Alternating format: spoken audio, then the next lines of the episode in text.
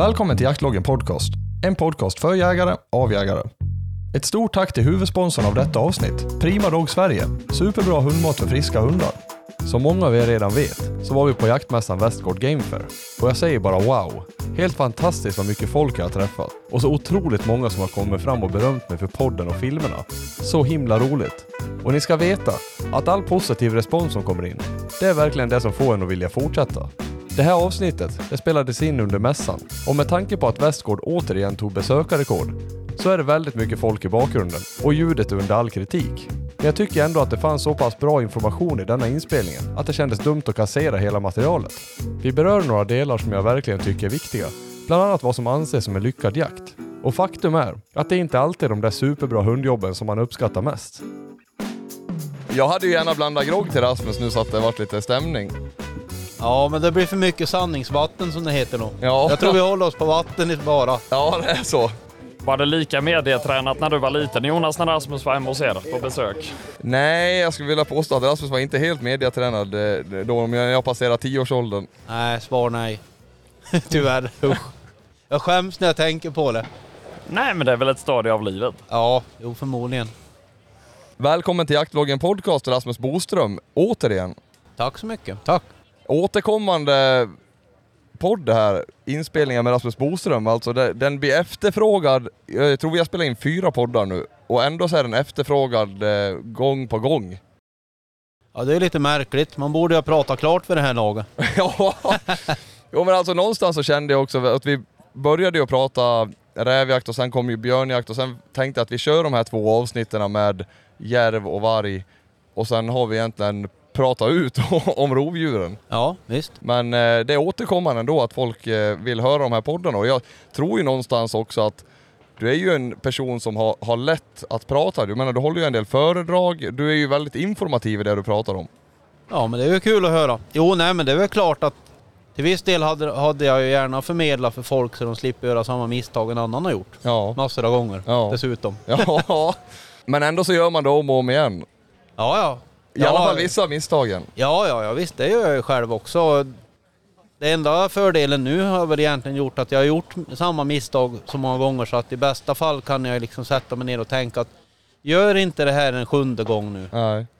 Som du säger, i bästa fall, känner du att vissa, vissa av de här sakerna som du faktiskt pratar om, om man säger föredrag och eh, du rekommenderar folk att gör inte si och gör inte så och gör så här istället. Känner du själv ibland att trots att du har den vetskapen som du faktiskt har och erfarenheten, att du går på de minorna och gör misstagen själv?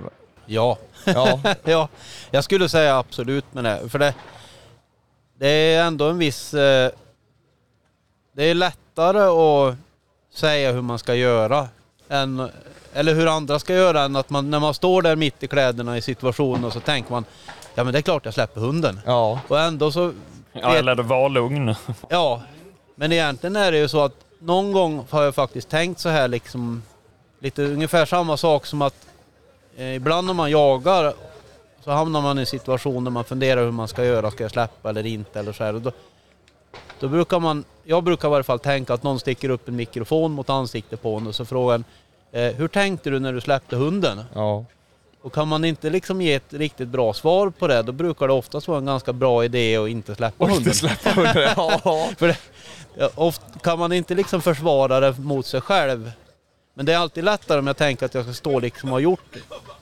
Eller till exempel ett eftersök på en björn eller någonting. Varför gjorde du så här istället för så? Ja. Då kan man ju liksom, står jag där med en mikrofon och ska förklara för någon person och inte kan det, ja men då är det förmodligen inte rätt väg att gå. Nej, Nej precis. Och det där är ju intressant. Jag kan ju känna så här att jag lägger ju ofta voice-over på filmer till exempel, det vet jag att du gör också. Ja, Känner du att du lär dig någonting av att faktiskt lägga de här voice-overna? Att man reflekterar över de scenerna som har varit? absolut. Det skulle jag säga. Och, och de bästa scenerna kanske ibland är väl när man har gjort det så bra när man har filmat så man inte behöver en voice- voice-over. Men ändå blir det ju ganska många gånger som man tänker att det är ju först när man lägger liksom lite ljud och text och så här på det som man förstår varför man har gjort vad man har gjort. Ja. Det är inte ens så att man har reflekterat över va- varför man har handlat i en viss situation först efteråt när man ser på filmen och så ska man förklara det. Ja. Jag håller helt med Och där. det, det blir ju ändå att man går tillbaks till det här och Man tänker lite det här att, vad, hur tänkte jag i den här situationen? Exakt. Ja. Och, nej men jag sitter och, och ska jobba lite med en sån här björneftersök special har jag Ja. tänkt här. Och, och, och då, det blir lite, ja men det är ju ingen sån här, sån här exakt grej. Varför gö- gör jag precis så här? Varför försöker jag liksom runda det här ståndskallet? Jo men det är för att trycka den mot Stefan. Vilket Ja. faktiskt lyckades den här gången. Det är ju inte alltid det gör det heller. Nej. Men, men liksom, det är ändå rätt kul när man liksom, ja men jag gjorde så här för att jag tror att det är bäst liksom. Mm. Och, och sen blir det nästa uppgift är att förklara det, men det är rätt roligt att kolla på det själv tycker jag. Ja. Ja, ja. Utskiljer sig m- eftersöken på björn mycket emot vanlig jakt? Eller givetvis beroende upp på situation, men agerar du annorlunda när det kommer till ett eftersök på de flesta vis, eller hur? Hur tänker du när du vet att det är en påskjuten björn i alla fall? Ja, nej men det är väl att jag är ganska förtjust i, alltså det blir ju självklart mycket coolare på film om man går in på ståndskall och skjuter den på tre meter, det gör det. Ja, det förstår men, jag. men det är betydligt mindre farligt att vindstöta den ner på Stefan som står i en, en väg 100 meter bort. Så därför gör jag plan A, det är ju vindstötning, plan B det är ju att, att gå in. Så det kanske inte hade varit planen att stöta om den inte var skadad då, då hade du hellre gått in. Ja, li- ja men så är det ju lite. Och det är jag- klart att man, alltså själva grunden i varför man kanske jagar björn, det är för att skjuta en björn på ståndskall. Inte på liksom när den kommer ut hoppande till en väg. Nej, Nej men det är en intressant, intressant eh, aspekt att tänka på liksom. Men eh, jag har en, faktiskt en, eh, en tanke och en fråga där. Har du alltid haft det tankesättet? Nej, Nej, Nej, och, det, och det vet jag. Därför att Ja. jag vet att min far och du jagade ju en del ihop förut. jättemycket. Ja. Och då sa jag, jag vet också att han har sagt att alltså Rasmus kommer ju bli uppäten av en björn dag. För att han bara springer in på stånden. Ja, jo det har jag gjort också. Ja. Och det kan väl hända att jag gör idag även om jag kanske går in snarare. Har det med åldern att göra? ja, nej men jag har blivit ganska mycket bättre på, nej men jag tror att det, förr i tiden hade det att göra med att man hade ganska kassa hundar i jämförelse. Ja. Och då handlar det om hur länge håller de i? Håller de i 20 eller 40 minuter? Inte liksom två eller fyra timmar som i dagens läge, eller liksom de håller i till det är klart. Att man är nervös att det ska bryta. Ja. Och att jakten ska avslutas och så har man inte fått ett avslut i det. Ja men rent uttryckt, hundjävlarna bryter och kommer tillbaks. Ja. Och så står man där. Och är förbannad. Ja, minst sagt. Ja. Nej men det är klart att det är väl en ganska stor eh, skillnad när man liksom har ett antal hundra lyckade jakter i ryggsäcken och så tittar man på när är det som mest farligt? Ja men det är på ett björneftersök när björnen är påskjuten och du går in och försöker skjuta. Och det är klart att det är fortfarande det som är lite eh, det som är lite häftigt och kul med björnjakten och skjuta i det här läget men det är också den farligaste situation i björnjakt du kan egentligen utsätta dig för skulle Mm. jag säga. Och ska man klara sig i längden då, jag vindstöter hellre till att börja med. Men jag har också varit med om när man vindstöter en björn att den kommer på vinden så att säga. Mm. Men då, det viktiga då det är att man, har, att man står stadigt när den kommer så man liksom kan skjuta bra. Ja. Jag kommer ihåg den här, den här gången som jag återkopplat till tidigare när vi har pratat in poddar när vi var uppe hos Thomas Lendholm och jagade. Då när du åkte hem för att du fick barn. Ja. Eh, jag vet också att du var glad över att få barn men du var inte jätteglad över att avvika från björnjakten. Men då när vi, jag och farsan gick in på ett stånd och då kom jag ihåg att jag, jag hade en fast fyra gånger eh, pekar, en gammal ståltub. Och vi var på väg in i en plantering när Bull och Oryx stod och ståndade. Och då säger farsan så här att vi hade 50 meter kvar och stod i ett, det var en myrkant och sen vart det en tätning. Och då säger farsan så här att antingen så stannar du kvar här och är med ifall björnen kommer ut, eller så följer du med in. Och händelseförloppet som kommer hända nu det är att antingen så kommer björnen rakt på oss eller så kommer den ringa oss. Och du får vara med på det och skjuta om björnen kommer. Mm. Och jag kommer ihåg den där känslan att eh, ja, ja men jag vill ju med in. Ja, jag vill ju in här för fan björnen är ju där. Ja. Och då sa han att, ja okej, han ville ju helst att jag skulle stå kvar ute där, märkte jag ju. Ja. Och då sa han att, kan du ta av det där jävla åbäket i kikarsikte du har åtminstone där? Nej, den sitter ju monterad där. Mm, det förstod jag, sen gick ju han bara. Förbannad. ja, jag kan se han framför mig. Ja, det tror jag. Du filmar ju mycket jakt Rasmus. Ja. Och jag själv kan ju känna ibland att när man har en jaktsekvens där eh, det börjar lida mot en stund där att fan också, nu får vi snart inte det här villebrådet. Då kan jag själv känna att jag blir förbannad för att, eh, ja dels så, vi säger att det är batteritorsk i en kamera och antingen så ska man byta batterier och fortsätta filma, eller så kommer man ta den här kameran och slänga den i skogen och förmodligen glömma den här på det här grytet eller vart man nu står. Många gånger blir ju jag då sjukt irriterad och så blir man liksom målinriktad på att nu ska vi avsluta jakten. Är det någonting som du känner igen dig i eller är, är det så för dig att du hellre vill ha med filmsekvensen än att avsluta jakten? Ja, i den bästa utav världar vill jag ju både och. Ja, Men på något sätt så, så känns det väl många gånger att nej men det är klart att man blir ju jättefrustrerad när man har kanske en, en sekvens då så ser man framför sig att nu, nu behöver vi ett bra avslut på det här och sen när det är klart liksom, då Ja. har vi en färdig film. ja, Men sen, löp, sen är, hamnar det ju ibland att det inte alls går som man har tänkt sig. Och till slut ser man att batterierna är tomma på ström och, och det är klart att då, ja, det blir ju ingen bra dag. nej. Men, men känner du ändå att du kan ha en lyckad dag utan att du filmar det? Idag? Ja, inte riktigt säker faktiskt. Nej. Det, det tror alltid på något sätt att det blir så här att oavsett om man jagar mink eller ja, björn Mm. så är det liksom det roligaste det är när man får en riktigt bra jakt och du får det på film. Att jakten någonstans också har blivit filmandet i sig. Ja det är det. Ja. Det är det. Det är ju det. Hade man bara litat på att folk gör det de ska så hade man lika gärna kunnat haft en kamera i handen och, och varit kanske minst lika glad över att man lyckas fånga det på film Mm. när de andra sköter sig. Men problemet är att man har ju alla hundar själv. Alltså Ja. terriers och stövar och, och, och står mitt i det. Ja. Och, och då blir det som att då glömmer man bort filmandet ibland. ja, det gör man ju. Man vill ju lyckas. Och man vill inte lita på folk man inte känner. Och så Nej, det, det, går inte. Nej. Nej. Det, det kan man inte. Det finns ju ingenting som är så frustrerande som när man är med okända människor som inte kanske har jagat gryt för.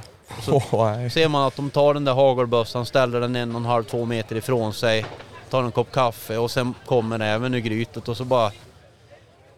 Egentligen visste man ju det här från början. Det finns inte en chans att den här personen kommer hinna med allt det här som måste göras innan det smäller.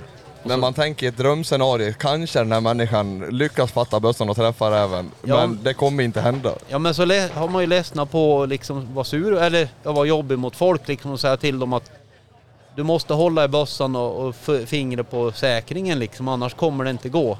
Jag har ändå sett en film med dig Rasmus, eh, jag undrar om det var svensk rävjakt nummer ett eller två, där jag ska nog försöka citera det här att man ska alltid, alltid, alltid vara beredd när det gäller grytjakt. Då är det en som står med en bössa på ryggen och en räv sticker. Ja, Känner du att du var mer offensiv mot folk eh, förr mot vad du är idag? ja det är jag. Jag Ja. har försökt att lagt det bakom mig lite för att eh, men det är klart att jag har väl försökt att styra upp de där situationerna men ibland så ger man upp bara och tänker liksom att ja okej men det blir då släpper vi stövaren igen då Ja. sen. Men om man säger, om man går, backar eh, åtta år då, Ja.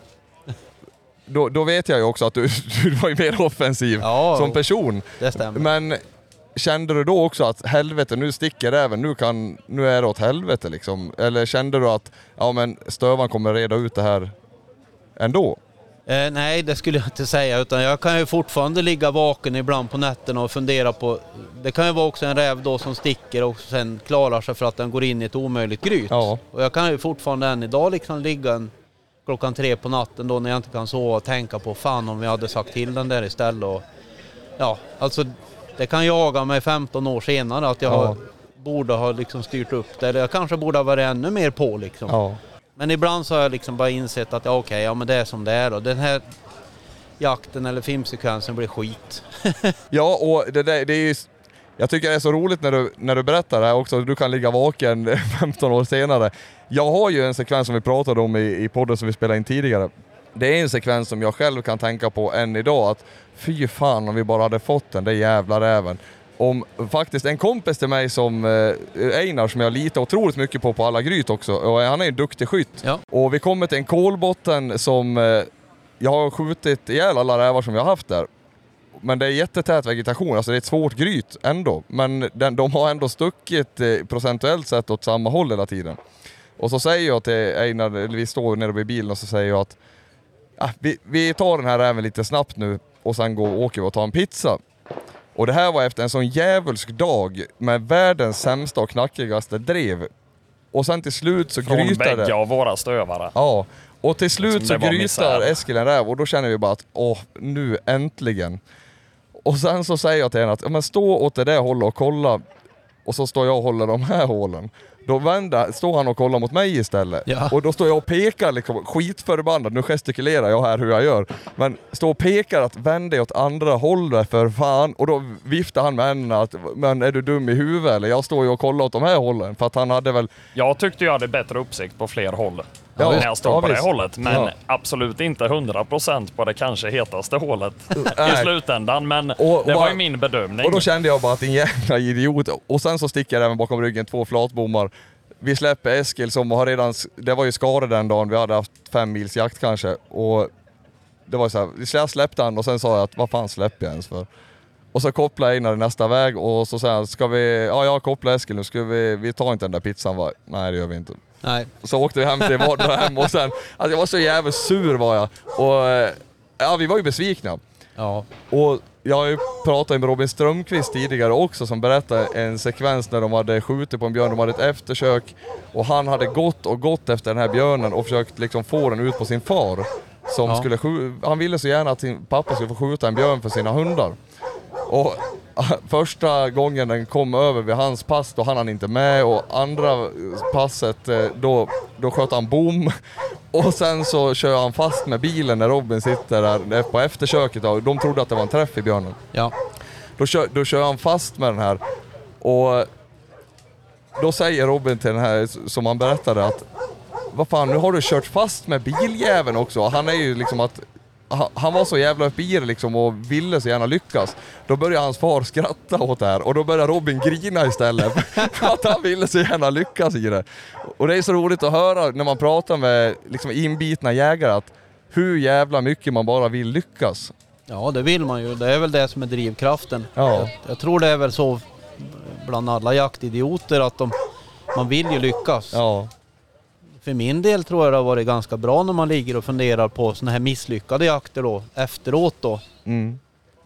Brukar man ju liksom kanske, jag brukar i varje fall tänka liksom, vad hade jag kunnat gjort bättre för att få det här att fungera? ja, Och jag tror att vi har pratat om det här förr, men jag tänker att som vi berörde ämnet då offensiv, eller ja, lite mera på liksom. ja visst. Ja, och jag menar man kunde ju vara helt vansinnig på folk då som inte stod och gjorde det de skulle och så här. Men baksidan av att lägga hård press på människor har jag kommit på sen.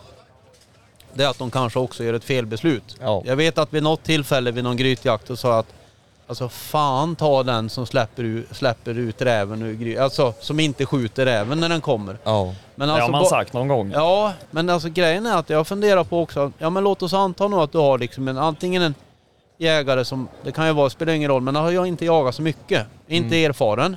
En nyexaminerad En jägare ny, kan ja, också ganska vara. nyexamen. Alltså det kan ju vara en oerfaren jägare liksom, även om de har jagat länge så kanske det är deras första grytjakt. Och så står man och lägger det på axlarna liksom att, och spänner ögonen i dem att nu jävlar alltså. Fan ta det om du inte träffar räven Ja. när den sticker. Och så eller tä- skjuter. står de och tänker liksom att okej, okej, okej. Och sen kommer räven och s- typ terriern hä- är, hänger i svansen mer eller mindre liksom. Och så får de en dubblé. Och då är liksom frågan, ja vem har gjort fel där? Ja. Det är kanske jag som liksom har lagt en otrolig press på en person som inte kan hantera det. Ja. Så jag, det är av den anledningen som jag blivit mycket mer försiktig med att säga att ja men se till att du inte ser en hund när du skjuter på räven. Ja. För det är inte värt det. För avigsidan är att faktiskt alla åker hem då med en jävligt dålig känsla. Och det är, skjuten, och det är både en räv och en, en hund skjuten och i värsta fall bara en, en hund. Riktigt jävla otäckt. Men det är precis som du säger där Rasmus, att om man, om man lastar det där på folks axlar, att nu jävlar skjuter ni om ni ser någonting. Det kan ju även vara i en eh, situation med att vi säger, som jag som har en ung hund som jag verkligen vill att den ska komma igång på björn. Och att eh, vi säger att vi har ett uppslag och sen kommer man där och det är fyra, fem personer med och Alltså då vet jag ju själv hur jag kommer agera. Att den jäveln som inte skjuter nu, då, då blir jag galen alltså. Ja, Och Exakt. det kan ju lika gärna bli en situation där de kommer upp jämsides. Och sen Ja. är personen i fråga så liksom fan också, nu jävlar måste jag ju skjuta det här. ja, Så smäller man på.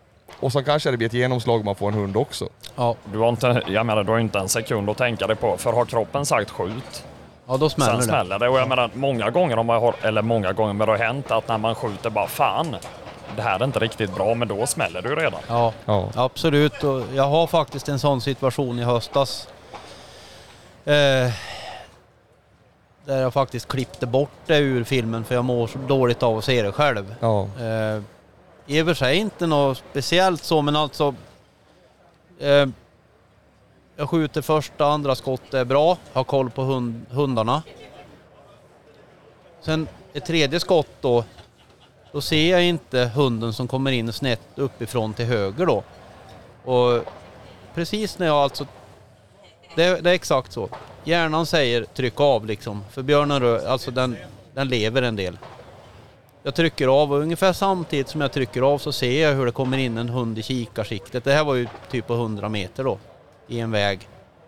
Då ser jag ju hur det kommer in en hund snett uppifrån till höger liksom. Och ja, det är ju bara Guds försyn att inte jag sköt, att inte kulan studsade och tog hunden också. Nej men, nej men det är just precis det liksom, för jag menar, har det sagt skjut, då smäller det ju. Då smäller det. Ja, nej, det är jätteotäckt. Det känns för jävligt att titta på sekvensen bara liksom. Men ja, det är väl bara att konstatera faktum. Ibland upplever jag ju också att det ser ju värre ut på filmerna än vad det känns i huvudet när man trycker av. Ja, så är det ju helt klart. Ja, för jag menar, det går så otroligt fort. Och jag, jag kommer ihåg flera sekvenser med en kompis som jag jagade mycket med förut, som jag såg på film att fan det där ser inte bra ut. Och då säger han att Nej, men det var inga problem alls. Nej. Och det är en rutinerad jägare som jag har ett otroligt förtroende till. Och han sa ju det att Ja men alltså hunden var ju två meter bakom räven. Eh, Jag är helt trygg att ta det skottet. Ja. Och det vet jag och han har aldrig skjutit någon, vi har ju jagat otroligt mycket ihop. Men någonstans det här på grytorna. Jag har precis en sån sekvens, fast en, en grytsekvens då där jag var Filmmässigt så känns det som att nu var det nära att jag sköt min terrier. Jag vet jag skickade den till dig i fjol Einar, på film på Snapchat då. Och att jag har ju bestämt mig att det är så tät vegetation här. Så att enda anledningen att jag ska kunna, eller enda chansen för mig att skjuta, det är att jag måste antingen ha terriern eller se terriern när jag skjuter. Ja. Det går så otroligt fort och det handlar ju bara om ett par meter. Och räven kommer i full sula och jag släpper den tills att jag ser att terriern kommer upp och då trycker jag av. Men det är ändå att från det ögonblicket att jag bestämt att trycka till att jag trycker så hinner ju nästan terriern in i pipan. Ja. Och det är så otroligt, otroligt nära och har man då till exempel en avkapad hagelbössa som jag hade förut och förespråkade, att då har man ju otroligt mycket randhagel. Ja. Och då får man ju också en, en risk att hade jag haft den avkapade hagelbössan i den sekvensen så kan jag skjuta min hund. Ja. Ja, nej, det... Så illa kan det ju vara. Ja, det är jättejobbigt, men... Ja. Och hinner du tänka den tanken att nu lär jag se terriern också, så har du släppt din riktigt bra sving mot räven och bommar ju ganska högst troligt den räven antar jag. Nej, jag fick den. Eller, Ja, jag, otroligt ja. nog, men jag menar om du har tanken att nu måste jag snart se terriern när du svingar efter en räv. Jag menar, man har väl många gånger fullt upp och bara tänka på att träffa den där räven. Ja, Ja. absolut. Och sen är det ju ibland så, det vet ju du också, man kan ju stå med en person på ett gryt och så känner man sig att den här personen som jag står med nu, den kommer aldrig träffa räven. Så jag måste skjuta djuret. Ja, Och så är det ju. Alltså, så, så, det är ju så med vissa personer. Absolut. Har ju, och jag har ju en kompis som är otroligt, alltså han är ju duktig skytt ändå. Men han har svårt att träffa gryträvar till exempel, sprängrävar. Ja. Och det tror jag har att göra med den här lasten som man lägger på personer att fan om du bommar den här idag igen. Och då blir det bom. Ja, det är ju inte lätt då eller? Nej. Det, nej, men jag, jag tror att... eh, Ja, jag har varit, blivit mycket, mycket bättre på det och, och inte lägga pressen eh, på det. För det, det kan ju slå tillbaks mot en själv som hundägare. Ja det kan ju göra det och jag kan säga att det är någonting som jag själv jobbar med fortfarande men jag jag har inte blivit supermycket bättre på det. Nej då, men du har ju några år på dig. Ja, jo jag har ju det.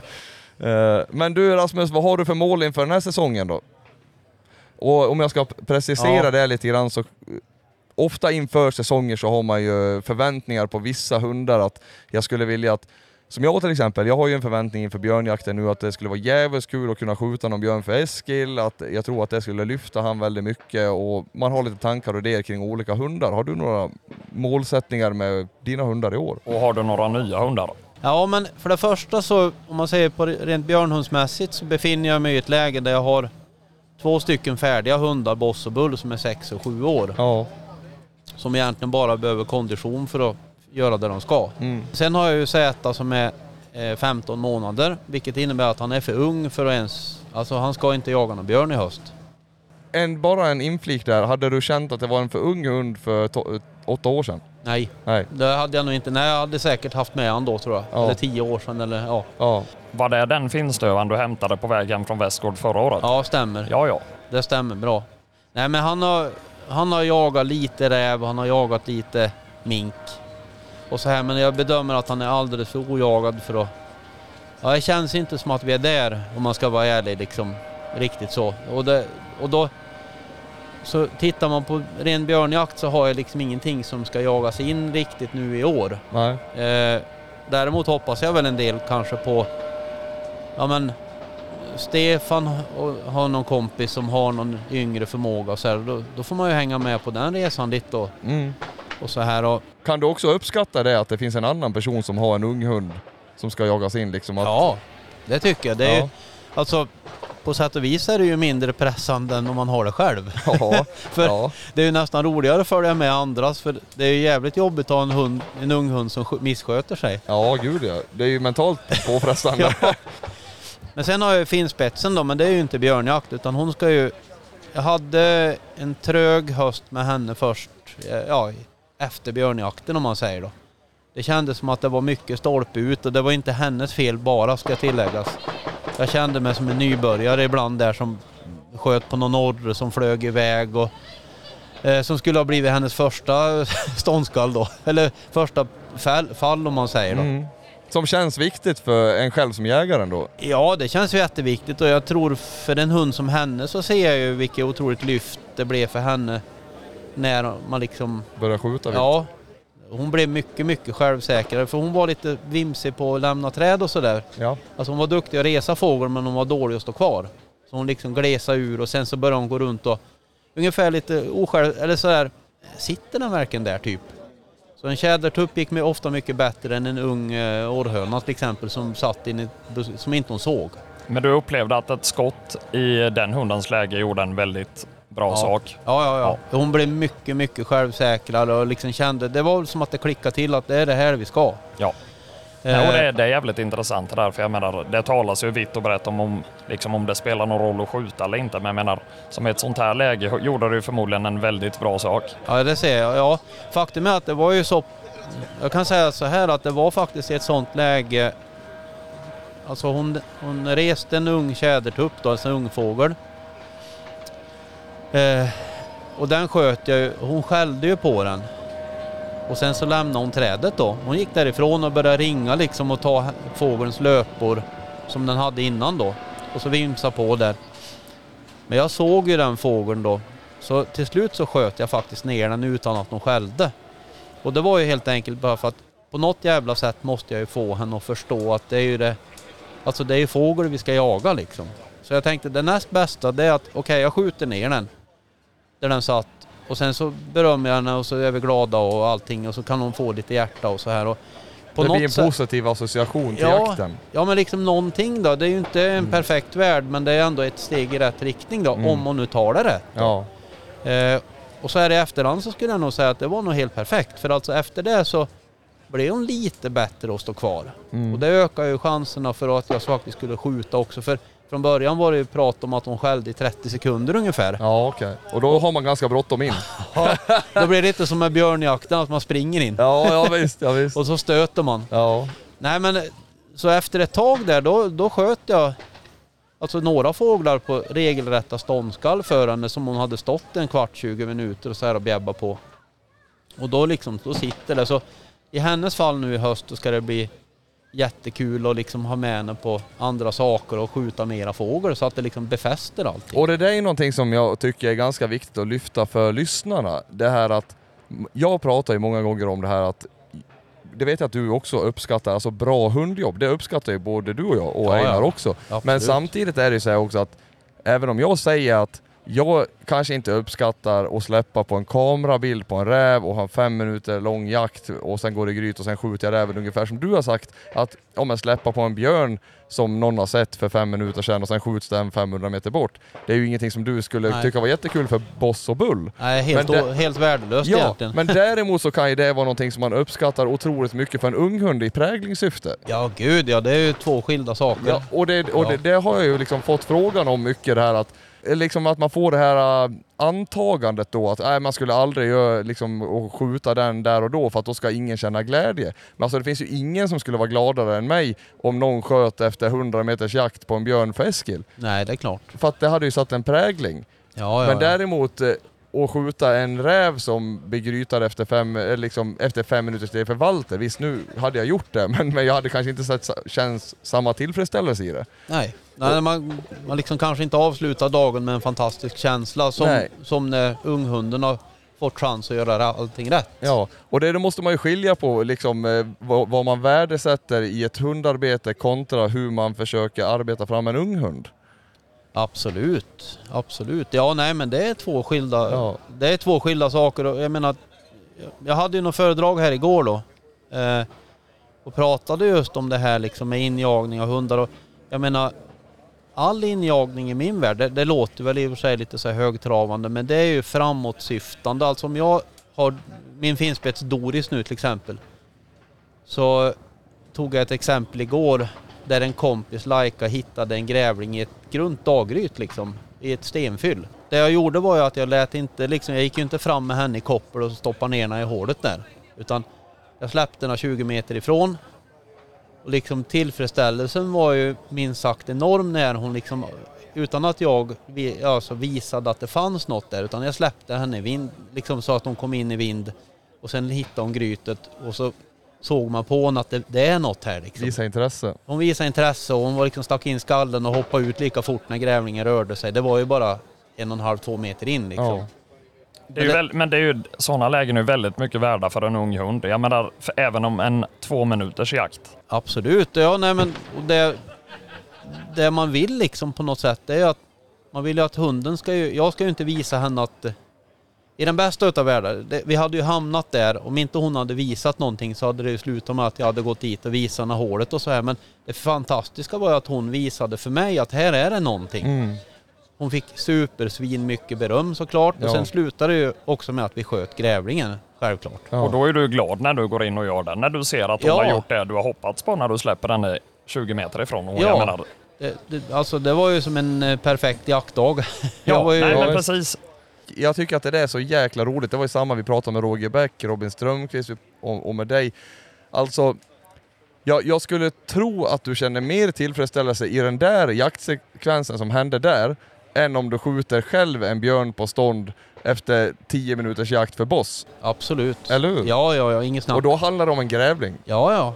Alltså storleken på djuret har ingen betydelse så. Längre. nej, det nej, det hade det förr såklart. Ja, Men alltså har man skjutit 50 eller 90 björnar så spelar det liksom ingen roll längre. nej. Det måste inte bli 91. nej, nej, precis. Ja, nej, jag var, jag var... Jag satt faktiskt och hade med just den där grävlingssekvensen för att för, försöka förklara för nya eller unga, yngre jägare liksom att det är det här man liksom jobbar med och det är ju det här också som är viktigt tror jag att man tänker när man jagar in en hund att liksom det är det här jag förväntar mig av dig. Till exempel när vi går i skogen och är ute på fågeljakt så hade jag varit skitglad om du visar på att det finns en grävling här nere liksom. Ja, visst. Och, och det är ju dit jag vill hamna med alla hundar, liksom att de ska göra det för att ja, det är ett samarbete liksom. Och det där ser man ju ganska sällan ja, men på media. Det ligger en död björn där och några Ja. hundar och det ligger en fågel och en finspets och hela den här biten.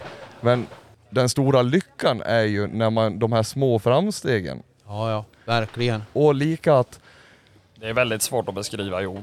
ja det är, Ja, det är det. det är jättesvårt och det är, Det är därför det. är så svårt att liksom eh, pinpointa det i poddar också. För att, alltså, det är så kul att höra det här att, ja men vi säger om det hade varit en vuxen hund, Ja, inget arbete alls överhuvudtaget.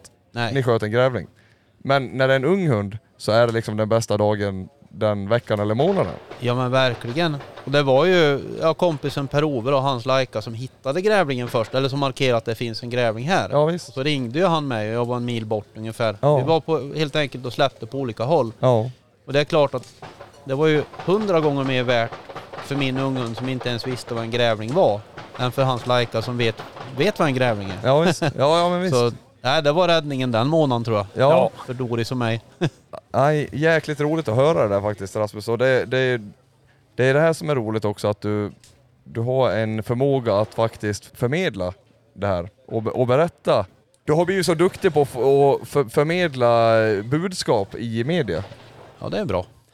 Tack för det. Mot vad du var förut ska jag Ja. också säga. Ja, jo. jo nej då, men jag... Nej men det är kul. Alltså jakt är kul och det är spännande och det är fortfarande framtagandet av unghundar är ju ändå det som är liksom det roligaste av allt på något sätt. Det är ju drivkraften hela tiden att man får dem bygga en hund så som man vill ha den och sen i det bästa utav världar om allting faller som det ska då hamnar man där liksom att ja då har man en fantastisk jakthund i 7-8 år framöver. Man kommer dit man ville. Ja, exakt liksom. Man kommer dit man vill och man vet vad de gör bra och man vet ju också vad de gör dåligt och liksom, de jobbar åt en, inte mot en. Nej, nej men precis. Nej men och någonstans där så är det väl också därför att intresset för att höra, höra en podd om dig till exempel liksom fortsätter bara ökar. För jag menar, för det kommer ju nya erfarenheter hela tiden och det är det som är så jävla kul. Ja, ja nej jag tycker man lär sig små steg eller lite saker hela tiden Ja. liksom och kanske bli bättre på att ta vara på de chanserna man har liksom och inte bara tänka okej, ja men vi fick en grävling, ja bra, hej. Ja, nej men Utan- precis, jag menar man, man tar tillvara på de situationerna. Ja, Och analysera lite varför hände det här? Ja, ja nej, men jag tror det är viktigt. Jag tror att ska man bli riktigt bra på någonting så måste man analysera, inte bara rusa framåt. Utan det handlar ju många gånger om att tänka liksom att Ja, vi har ju till exempel gjort så här nu, när jag, jag har hjälpt till några år att märka björn då uppe i Idre eh, med hund och så vidare på våren. Och vi har brukat gjort det som en arbetsordning då att varje gång när vi har gjort ett jobb, eller alltså försökt att märka en björn, oavsett om det lyckas eller inte, då tar vi en debriefing som det heter så vackert då. Men alltså vi sätter oss ner och så pratar vi igenom det här. Kunde vi ha gjort någonting bättre? Kunde vi, eller borde vi ha gjort någonting bättre eller annorlunda? Eller, ja, vad, vad kunde vi ha gjort för att det här skulle lyckas bättre? Eller vad gjorde vi som gjorde att det här... Inte varit bra? Ja, Mm. alltså... Och det tror jag är ändå viktigt eh, att man gör. Liksom sätter sig ner och tänker igenom liksom ärligt mot sig själv. Ja. Vad borde jag ha gjort som... Eller ja, men alltså att man sätter sig ner och tänker lite. Det tjänar man på många gånger tror jag. Ja. Och att man är ärlig mot sig själv. Det är ju ingen idé att man sitter och tänker igenom saker och ljuger för sig själv. Men alltså att man är så ärlig som man bara kan och tänka att nej, vi hade bara ett jävla flyt. Kan ju också komma ibland liksom att det råkar bli bra bara. Men att bara för att björnen hade otur. Ja, jo visst. Men då är man ju åtminstone ärlig och tänker liksom ja, ja vi får se hur det går nästa gång då. Det kan, det, ja, och det där kan ju vara en, eh, det där kan vara minst sagt ångestframkallande kan jag tycka. Om man har haft en lyckad jakt och så känner man att det var kanske inte tack vare mig eller hunden som vi fick det här. Utan Nej. det här var ju på grund av att han eh, hade, det stod en kille på rätt ställe och hunden kanske ändå hade brutit efter 20 minuter längre jakt. Och då Ja. känns det så här att, ja men då svider det även fast det har lyckats. Absolut. Jag har faktiskt, jag har en sån där björnjakt i huvudet som när din pappa var med då uppe i Svartnäs var vi och jagade björn. Det är Mm. länge sedan är det. Ja, det måste vara länge sedan. Och jag har fortfarande en dålig, eller så- en sån där liten klump i magen över just den jakten. Vi hade några, det var någon av din pappas hundar som var med, någon lajka. Och vi hade ett fantastiskt bra hundarbete på den björnen. En stor, jag tror den vägde 220 eller något sånt där. Och den där gick vi runt, runt med i en stor jäkla ungskog då. Den rundade oss kors och tvärs där. Och sen det sista som händer egentligen, och det här är liksom en sån där grej som jag fortfarande inte riktigt kan Ja, det varit som en dålig bismak. Men det, slutändan var att det stod, det stod i ståndskall. Och jag är på väg dit. Och den här björnen har ju varje gång när man är liksom nästan som man ser hundarna, då flyttar den sig liksom några hundra meter. Och så håller det på liksom timme efter timme där. Och det som händer då är att när jag är på väg dit, då är det en av de hundarna som stod och skällde på björnen. Då har den ballat ur, alltså fått nog. Och så tar den upp en älg, alltså vi pratar 50 meter eller någonting bakom ståndskallen på björnen. Men det gör ju att när det börjar då, då sticker den ju så att den möter mig. Och du skjuter den? Ja. ja. Och jag kan fortfarande inte riktigt... Alltså en så stor fin björn och ja, det kändes ändå som en lite så här eh, en besk smak i munnen liksom att okej.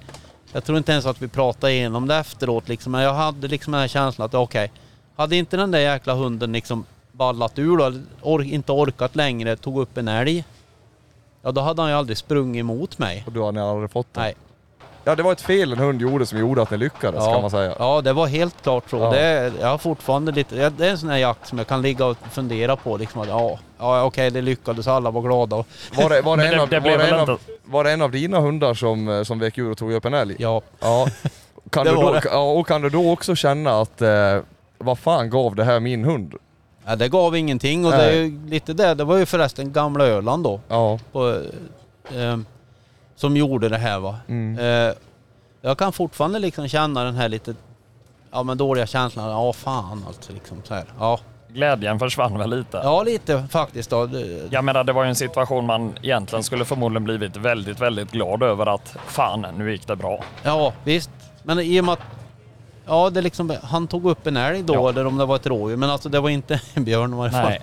Och så jagar den och så bara kände man liksom... Och så möter man björnen där och så pang och så är det klart liksom. ja. Och så fortsätter han med den där älgen. Ja. Och Det alltså, pre, pre, ja och precis, eh, jag, kan, jag kan ju säga ärligt talat, för jag har ju fått frågan i podden, eller på sociala medier efter poddinspelningar, eh, vad det var som var så jävla dåligt med kattjakten som jag uttryckte det, eh, Ja. om man säger på premiären. Och där kan jag ju säga att det var ju precis sådär att eh, det var den tråkigaste döda katten jag har sett i hela mitt liv. Även om personen som sköt den var jätteglad och på det viset var det kul. Men Alltså hundarna går med den här, eller eh, jagar den här katten och eh, det är en ung hund med som, eh, vad jag, det här är bara vad jag tror och analyserat. Hunden jagar ifrån min hund, går ikapp katten, kommer tillbaka, går ikapp katten, kommer tillbaka, går ikapp katten och på tillbaka vägen tar upp en hare. Så man, det ser jag ju på pejlen att han jagar ju där rakt förbi min, eh, ja Walter i det här fallet som aldrig någonsin i hela sitt liv har bytt från katt. Och eh, sen smäller det. Och fan vad kul liksom, och det är fullt jävla drev liksom. Och han står ju där skitglad och skjuter katten och, Ja. och vi står och pratar på radion liksom att jävlar vad kul. Så ropar han igen, nu kom hundarna med en hare här. Åh, ja det Alltså, förstå- det är alltså, exakt förstå- samma. Ja, det. förstår du Ja. känslan alltså? Ja, man ville ju strypa sig själv, hundar, allting som fanns. Och, Ja. Men passa, de som var i det laget, de var ju supernöjda. Fan vi fick ju den här katten, jävla kul för hundar och allting. Det var inte ett dugg jävla kul liksom. Det var ju inte för hundarna ju. Nej, nej, och det som är ironiskt är det, då är det ju som, de har ju sett den här katten komma ut i en dunge, eh, eller liksom som en liten holme mot åk, en åker. Sen har den vikt in igen. Och det har gått ut eh, rå, två rådjur, eller om det var oavsett antal, men rådjur har gått ut där, det har gått ut kronhjort och eh, när vi kommer in mot den här holmen så springer det ut tre harar. Och jag går in och släpper Smålandsdövan på det här kattspåret som är någon timme gammalt då. Och de, alla de här andra spåren är ju mycket färskare. Så släpper jag han i det här spåret och han tar löpan nonstop till den döda katten. Och då blir jag så här, "Fan, den här jävla unghunden gör det bättre de här två asen som har hållit på att jaga en jävla hare liksom innan avslut. Vad är det frågan om? Usch. Ja men och då, eh, nej, det var en, det var en hemsk, hemsk, eh, det var fruktansvärt var det. Fy fan vilken otäck känsla. Ja. ja, nej men det är exakt samma sak Ja. Så typ exempel på en lyckad jakt som var eh, väldigt mycket bismak. Ja, det, det blir ju som man kan säga liksom, det, allting ser ju vackert ut på Facebook liksom. Ja, Ja. gud vad bra liksom, vad duktiga vad var det? Det var Ja, bara något. Något, ja. ja precis. Men just det släppet där du säger när du släppte in Eskil bland kronhjortar, rådjur, harar. Men att han ändå gick fram till det till katten i den Ja, i men det- och- i och det var ju det Jag menar, roligaste Det är ju den så dagen. jävla värt för dig Ja, och som det- hundägare. ja, Men och- passkytten han tänkte väl ja, ja, nej men det är väl skitsamma. Han Ja, var men- jävligt nöjd av att ha fått skjuta sin katt. Jo, och det kan jag ju säga att det bästa hundjobbet den dagen, det var ju Eskils spårning på den här dö- katten som redan var död. Ja, Eh, ja. Och det det, förstår jag. och det var ju det, Ja, det, var det enda som kände att jag kunde ändå åka hem och känna att fan, ja, det gav någonting. Och det var ju att jag fick se att han höll spåret. Det var ju inte att det sköts en katt för två hundar som vi liksom drog iväg med en hare. nej, nej, nej. nej. All respekt Och för det det. djävulska var ju att haren sprang ju alltså förbi den här döda katten på typ 50 meter och den skytten som sköt katten såg ju den haren och hunden. Det kan inte vara möjligt, sa jag. Jo, jo, de kom en hare här. Ja. ja, nej jag känner känslan själv när du säger det. Ja, ja. Men du, om vi ska gå tillbaka lite. Vi pratar ju ofta mycket om björnar och det här, men eh, du jagar ju också mycket, som du sa, med, med, med finspets och fågel, fågel och den här biten. Hela fågeljakten. Ja. Kan du känna liksom att den här fågeljakten är någonstans en avkopplande jakt från eh, stressen som någonstans är kring rovdjuren? Ja, det, det blir det ju. Det som är lite trevligt med fågeljakten är ju att du... Det, för det första kan man ju säga att det är en bra kombination till rävjakten till exempel. För fågeljakten måste du inte vara ute i ottan jättetidigt utan oftast blir det att man krokar lös en stövare på morgonen och lyckas inte det eller lyckas det, ja men då tar man en fågelsväng fram på dagen. Eh, så det är en bra kombination tycker jag på alla sätt och sen är det ju Alltså det är tilltalande på något sätt att smyga runt där med en hund. Och, och så blir det liksom som det blir. Har du följsamhet på fågelhunden? Alltså att den söker väl förmodligen då med dig lite grann Ja, ut? Ja. du styr den ju hemskt mycket. Det påminner kanske inte riktigt lika mycket om den första finspetsen jag hade för den var mera som styr, försökte styra mig tror jag. Jajamän. Han stack åt sitt håll och jag försökte följa med. Men är det, det, är det ändå en sak som du kan, om man ska kalla det ett sämre sök, är det någonting som du ändå kan uppskatta för att du jagar med hunden på ett annat sätt? Eh, ja, alltså Du blir ju ute och går lite grann med hunden och hela den här biten. Ja, det blir det ju. Eh, nu tycker jag att hon har haft lite sådär halvrassigt sök. Alltså, och sen är det ju, det är ju fortfarande liksom en hund som inte är färdig i min värld. Alltså hon blir ju två år i höst nu då. Ja. Så det är fortfarande inte en hund som är färdig. Jag förväntar mig liksom att hon ska öka ut sök ganska mycket och så här och Men du har lite förväntningar på denna säsongen med andra ord. Ja det har jag. Mm. Det har jag. Nu, nu, jag har ju lagt grunden, om man säger den här slutet på förra säsongen. Och sen så förväntar jag mig att vi ska liksom snappa upp saker och ting med sök och så här. Och, men det återstår ju att se lite. Det är ju egentligen bara att vara ute och nöta på. Och, och få henne att bli självsäkrare och, och söka ut mer. Men jag har ju nog alltid föredragit hundar som söker ut men jag har nog aldrig riktigt haft det. Nej. För jag går för mycket med dem. Ja. Ja, jag, jag, hör precis vad du säger. Du och jag pratade någon gång om att eh, det här lydnaden på grythundar till exempel. Och lite så känner jag med stövarna, att jag ska jävlar inte ha en hund med dåligt sök Nej. och anammar det. Men samtidigt med Eskil så kände jag att nej, den här hunden ska jag nog försöka få som en lite mer följsam hund som jag kan jaga med och gå med. För att eh, stövarna som jag har, de, de jagar ju för sig själva och sen är jag en, en deltagare i jakten. Ja. Blev han mer följsam? Nej, Nej. Det vart han. Men det vart också att jag, jag, jag jagade in han lite på liknande vis som jag kände att ah, ha- han får jävla skaffa sök. Och det gjorde han ju. Ja. Men när du säger att du förväntar dig att eh, finspetsen där ska förhoppningsvis få ett bättre sök i år. Har du, då en, har du en tanke då med att eh, ja men då ska jag göra på ett visst vis för att den ska få bättre sök eller förväntar du dig det med åldern? Ja, jag kan säga så här att jag är inte riktigt säker på att jag kan påverka söket mer än att jag gör henne självsäker. Mm. Alltså, eller gör henne säker på vad hon ska göra. Och då förväntar jag mig att hon kommer att öka söket. Det har jag ju egentligen sett alla finspetsar som vi har haft. Eh, förutom den första, han var ju mer som en, en egen one man show då. Men, ja. men de andra finspetsarna har ju ändå varit lite halvdåliga sök till att börja med och sen när man jobbar med dem så utökar de det. Mm. Alltså de blir större och vidare i söket och lite bättre på att liksom ligga i när det luktar och så här. Självförtroendet ökar på dem. Ja, och, och just självförtroendet där har vi gjort mycket att det liksom ökas, ja, frånvaron då. Ja. Vad är, det- vad är det- ett önskat sök på en finspets? Liksom vad vill du ha i de bästa av världar? I den bästa utav världar då hade jag, ska jag önska mig någonting så hade jag velat att Doris ska göra svängar på 500 meter. Ja. Eh, då är jag nöjd. Gör hon mindre än det så... Ja, jag, hade, jag, jag gillar ju inte att se hunden sådär jätteofta. Alltså jag vill ju gärna att hon ska vara ute och jobba. Eh, och jag brukar ju oftast titta på pejlen när jag har varit ute liksom och jag vill ju inte se liksom att auktionsradien har varit 100 meter åt sidorna ifrån där jag går, mitt spår. Men, för då hittar du inte så mycket fågel om det är dåligt med det helt enkelt. Det ser ut som pulslag ungefär. Ja, usch. Ja. Nej, men sen får vi se vart vi landar där då. Ja.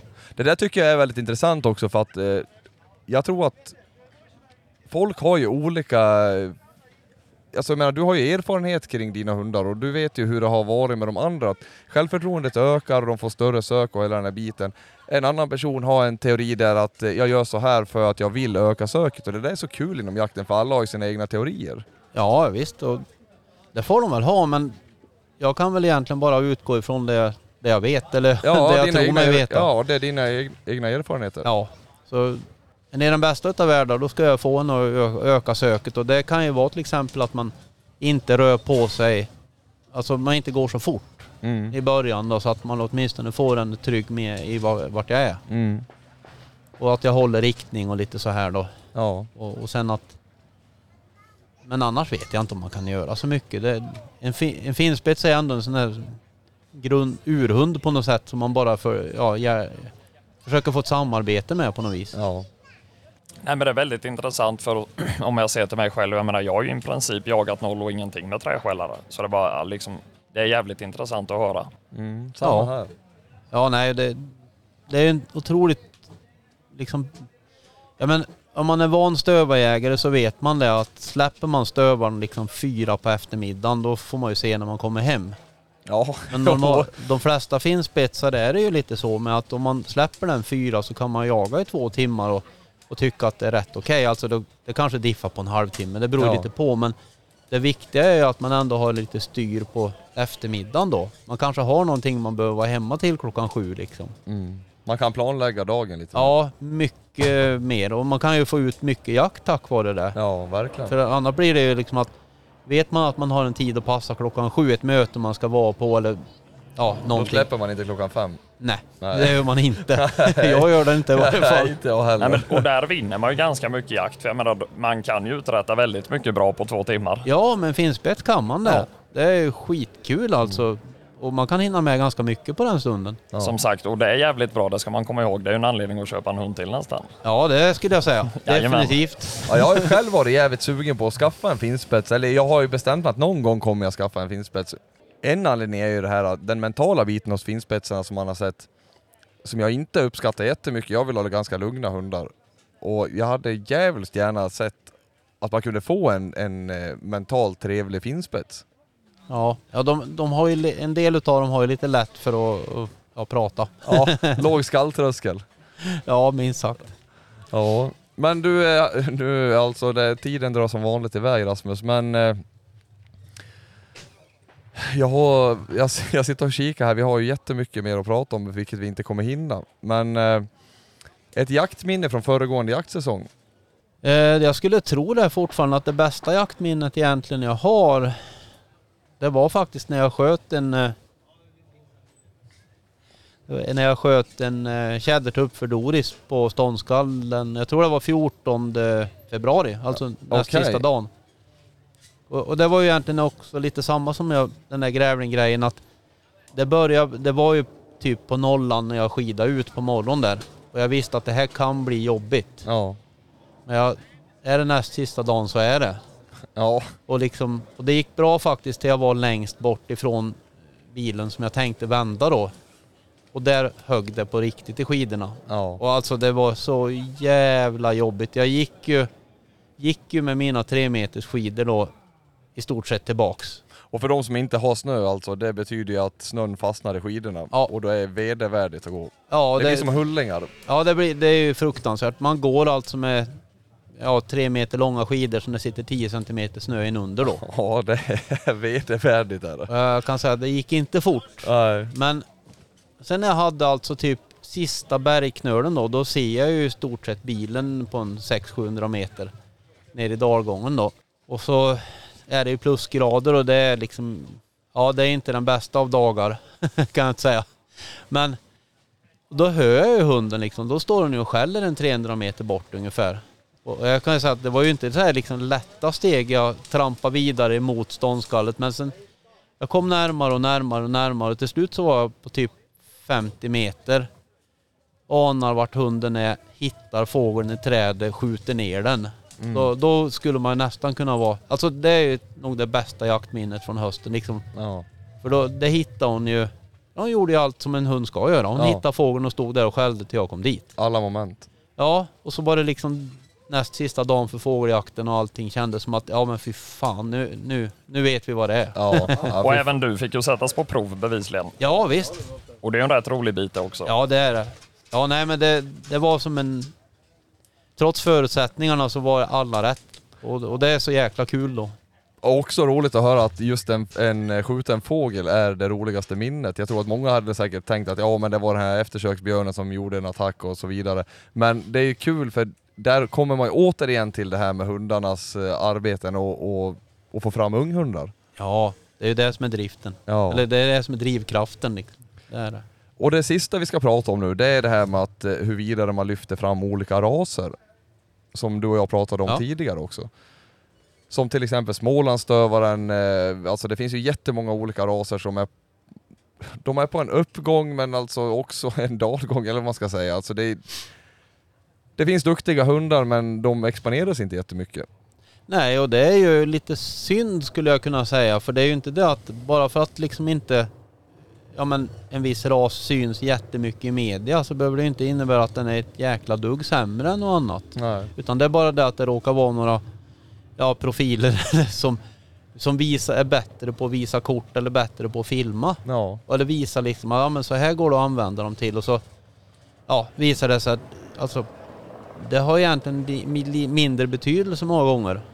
Eller att det kan bli också oförtjänt bra rykte runt vissa hundraser eller hundtyper som liksom inte alls är så jävla bra. Det är bara att de har en ägare som är bra på att prata för varan om man uttrycker det så. Ja, och, Eller klippa film. ja, precis. Och det kan ju också vara en ägare som är duktig att jaga med sin specifika individ. Ja, verkligen. Det behöver ju inte vara att man ljuger på något sätt utan bara att man kanske är jävligt duktig på att jaga med sin hund. Och sen helt plötsligt, ja men vi har ju alla varit där, jag menar plottar, alla skulle ha en plott. Till exempel. Och, då skulle alla skjuta björn. ja, Mm. och så är det ju inte riktigt. Och det skulle, alla skulle ju ha en ryss och skjuta katt också ett tag. Ja då. Ett tag. Ja, ett tag. Men skulle du själv kunna köpa typ, jag vet du har ju, vi säger två mindre raser som du faktiskt har haft. Om man säger smålandsstövare, ryssstövare, är det raser som du skulle kunna skaffa igen? Eh, Smålandsstövare ja. Eh, Ryssstövare förmodligen inte. Av vilken anledning? Ja, alltså den anledningen till att jag ser rent procentuellt så kan man ju säga att sannolikhetsmässigt att vad är chansen att jag får till en ny Helga som jag Ja. hade då. Och den, jag har väl i stort sett, alltså eller jag har inte jagat med någon som Helga som är ryssstövare. Nej, Någonsin, nej, förutom henne. nej. Och nu har inte jag jagat med svinmånga sådana men alltså jag har jagat med en del och jag har hört talas om desto fler och det är ingen som har fått mig att tänka att jag måste skaffa en ny rystövare. nej. Tyvärr alltså. Jag hade Mm. jättegärna gjort det för ja. Du hade det- gärna haft en till Helga. Ja verkligen. Jag tänkte ju det när hon gick bort att nu är det slut men då fick jag ju boss istället. Ja, Nej, men det blir ju vissa små anledningar till att man skaffar en viss typ av hund. Jag menar om det är liksom du uppskattar Helga, som, men jag menar man lär ju se något likvärdigt i alla fall för att vilja köpa det. Eller om man bara sitter och tittar på sin telefon och så ser man en hund av en viss ras där det har gått väldigt bra på ganska många jakter. Jag menar det är klart man vill köpa en sån hund då. Ja självklart. ja det skapar det- ett intresse. Ja, men jag skulle nog säga att av, av de två raserna skulle jag ju definitivt inte ha något problem med att skaffa en smålandsstövare. Nej. Efter Mimmi så att säga då. Det är inga problem. Och, och då kan man ju fråga anledningen till det också då. Ja det är för att det procentuellt sett så ser jag ändå att det finns en del bra smålandsstövare där ute som kanske inte har fått glänsa men som fortfarande är jäkligt duktiga. Ja, Eller som inte har visats upp så mycket då, om Ja. man säger så. Men att det är fortfarande en sån hund jag letar efter i regel. ja. Hundar som har gjort bra jobb men eh, kanske inte mediehundar om man säger så. Exakt. De har inte- exponeras inte på samma sätt. Nej, de har inte fått visas upp på det sättet men det är fortfarande inget dåliga eller fel på arbetena de gör. Nej, precis. Nå, nå, och eh, när du säger arbetena som de gör där då, vilka arbeten är det som du skulle uppskatta i en, en hund som, vi säger som Smålandsstövaren eller som, ja men plottarna, stövarna överhuvudtaget. En egenskap som gör att du själv skulle kunna skaffa rasen igen. Att sannolikheten är stor när jag skaffar en valp att jag kommer få en som... Om vi säger, om vi till exempel pratar...